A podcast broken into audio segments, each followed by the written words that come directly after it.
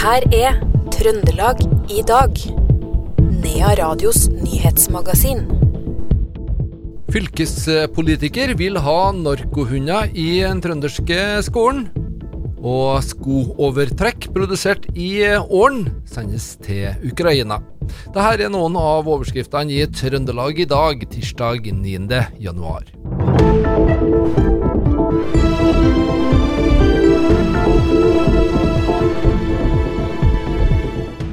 Påtalemyndighetene har bestemt seg for ikke å anke frifinnelsen av en tidligere NTNU-professor som var dømt for brudd på eksportkontrolloven og Iran-forskriften.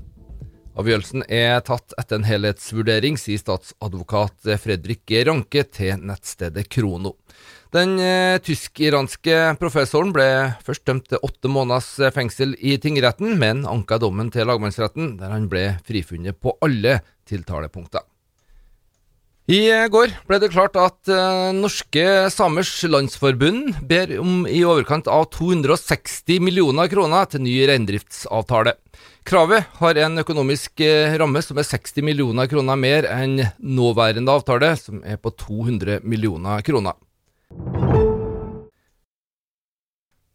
Vi må få flytta russefeiringa til etter eksamen, og kanskje kan det også være aktuelt med bruk av narkohund ved skolene igjen. Det sier fylkespolitiker Lars Myhr Sandlund fra Senterpartiet til avisa Sør-Trøndelag, etter at politikontaktene i Innherred har varsla om en oppblomstring av narkotika blant elever i den videregående skole. Sandlund har tatt tak i det her, og vil ha hunder inn for å søke etter narkotika på skolene.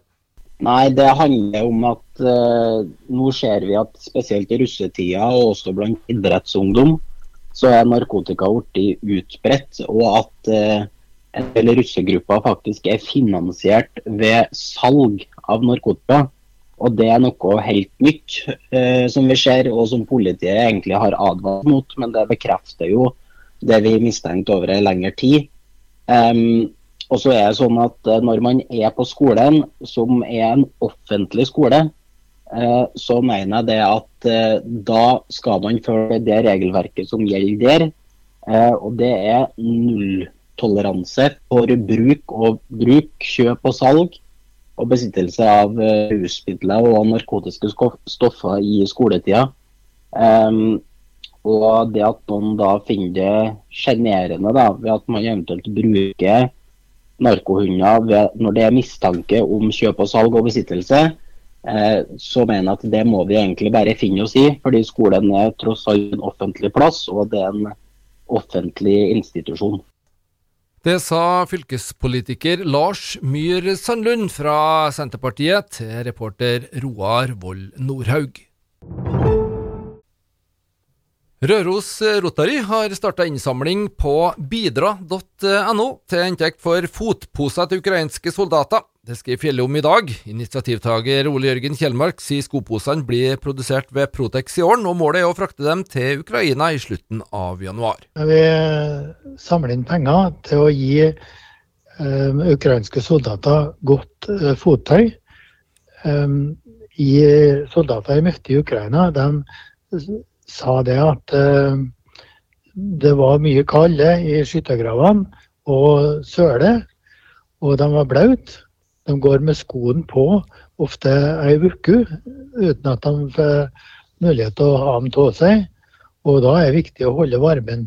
De samme eh, tilbakemeldingene fikk jeg når jeg traff ukrainske soldater som var på Værnes før jul. At de, de hadde fått norske fotposer og det gjør en utrolig stor forskjell. Når du klarer å holde skoen tørr, og fotposene hjelper selvsagt òg på varmen. Det sa Ole Jørgen eh, Kjellmark, en av initiativtakerne fra Røros Rotary, altså, som står bak denne eh, innsamlingsaksjonen. Og selve aksjonen den finner du på eh, nettstedet bidra.no.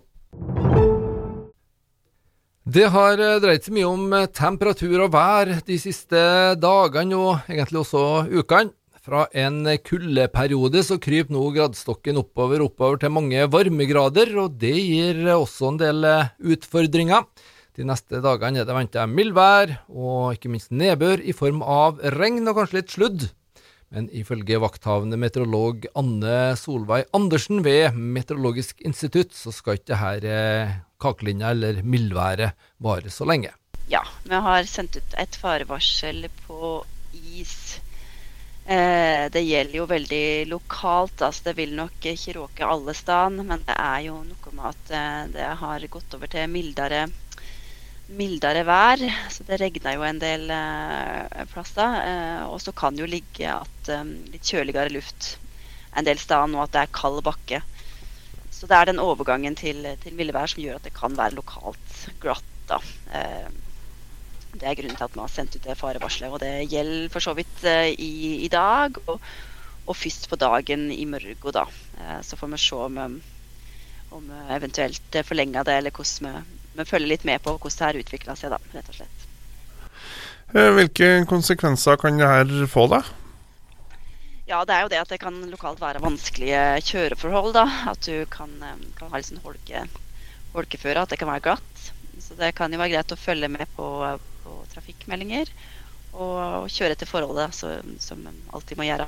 Um, ja, og følge med på om det, om det blir Om det slår til noen sted, at det blir, blir glatt. Det sa meteorolog Anne Solveig Andersen ved Meteorologisk institutt, til reporter Roar Vold Nordhaug. Reiselivsnestor og daglig leder i Oppdal Safari, Johan eh, Skjønhøyer, har besøkt den store reiselivsmessa i Nederland over 30 ganger. Nå blir det imidlertid siste gang, og det uten sitt faste reisefølge, som har vakt mye oppsikt både på messa og i tollen. Her forteller Skjønnhøyder hvorfor han har prioritert denne messa år etter år. Egentlig kun fordi at eh, Nederland er den største leverandøren av utenlandske turister til Oppdal sammen med tyske markedet. Og fordi at det gjør at Oppdal kan opprettholde fortsatt et godt besøk i et roligere marked etter koronaen. Du har gjort det her i så mange år nå at du må jo se at det har effekt. Har det hatt effekt? For oss har det hatt kjempeeffekt i den forstand at vi har stor andel nederlendere på uh, safarien. Og så hadde vi jo tidligere i alle reiselivsbedriftene mye nederlendere. Oppdal hadde i to år hadde oss flest besøkende gjestedøgn fra Holland. Um, så er ikke så stor nå lenger, men fortsatt for Oppdal så er det en stor andel. fordi at uh, på nasjonalt nivå i fjor så var Nederland på sjetteplass av utenlandske destinasjoner. Det sa daglig leder i Oppdal Safari, Johan Skjønnhøyder. Han ble intervjua av Randi Grete Kalseth Iversen fra Radio E6. I dag så fyller kunstneren Håkon Bleken 95 år. Gallerist i Kunst og kaos på Røros, Ellen Kristine Klemetvold, sier at han er en av, om ikke landets største kunstner i dag. Jeg må jo bare si at eh, Håkon Bleken er jo en bauta i norsk kunstverden. Han uh, har jo berika oss med, kunst i mange tiår. Og er klart den uh, kanskje største kunstneren vi har i Norge. Det må jeg si. Og, det, og han er jo still going strong. Han kommer med nye verk og nye vendinger. og Han utvikler seg jo hele tida. Så det, det, det, det stopper liksom ikke med han. Hva er det som er det spesielle med Bleken? Nei, Han er jo for det første så er han jo veldig samfunnsengasjert og er opptatt av hva som skjer i verden, både på godt og vondt. Eh, og, og det gjør nå at han holder seg aktiv og, og, også uttrykker det gjennom kunsten sin. Det er aktuelt, det han holder på med. Det har det vært i alle de år. Så jeg syns det, det, er beundringsverdig hvordan han har, har forma kunstnerskapet sitt. Det sa gallerist Ellen Kristine Kalmetvold fra galleriet Kunst og Kaos i Røros. Vi tar med litt sport helt på tampen. Ida Valldal fra Hummelvik IL kjørte inn til EM-gull i randonee i U20-klassen i franske Flein i går. En herlig følelse å gå først i mål, sier Valldal til NTB. 19-åringen forteller at hun eh, fikk et bra disponert løp, der hun åpna kontrollert og økte etter hvert. Mesterskapet det fortsetter med sprint i morgen. Og det var det vi hadde plass til i Trøndelag i dag, tirsdag 9. januar.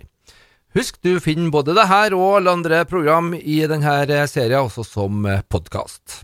Navnet mitt er Per Magne Moan.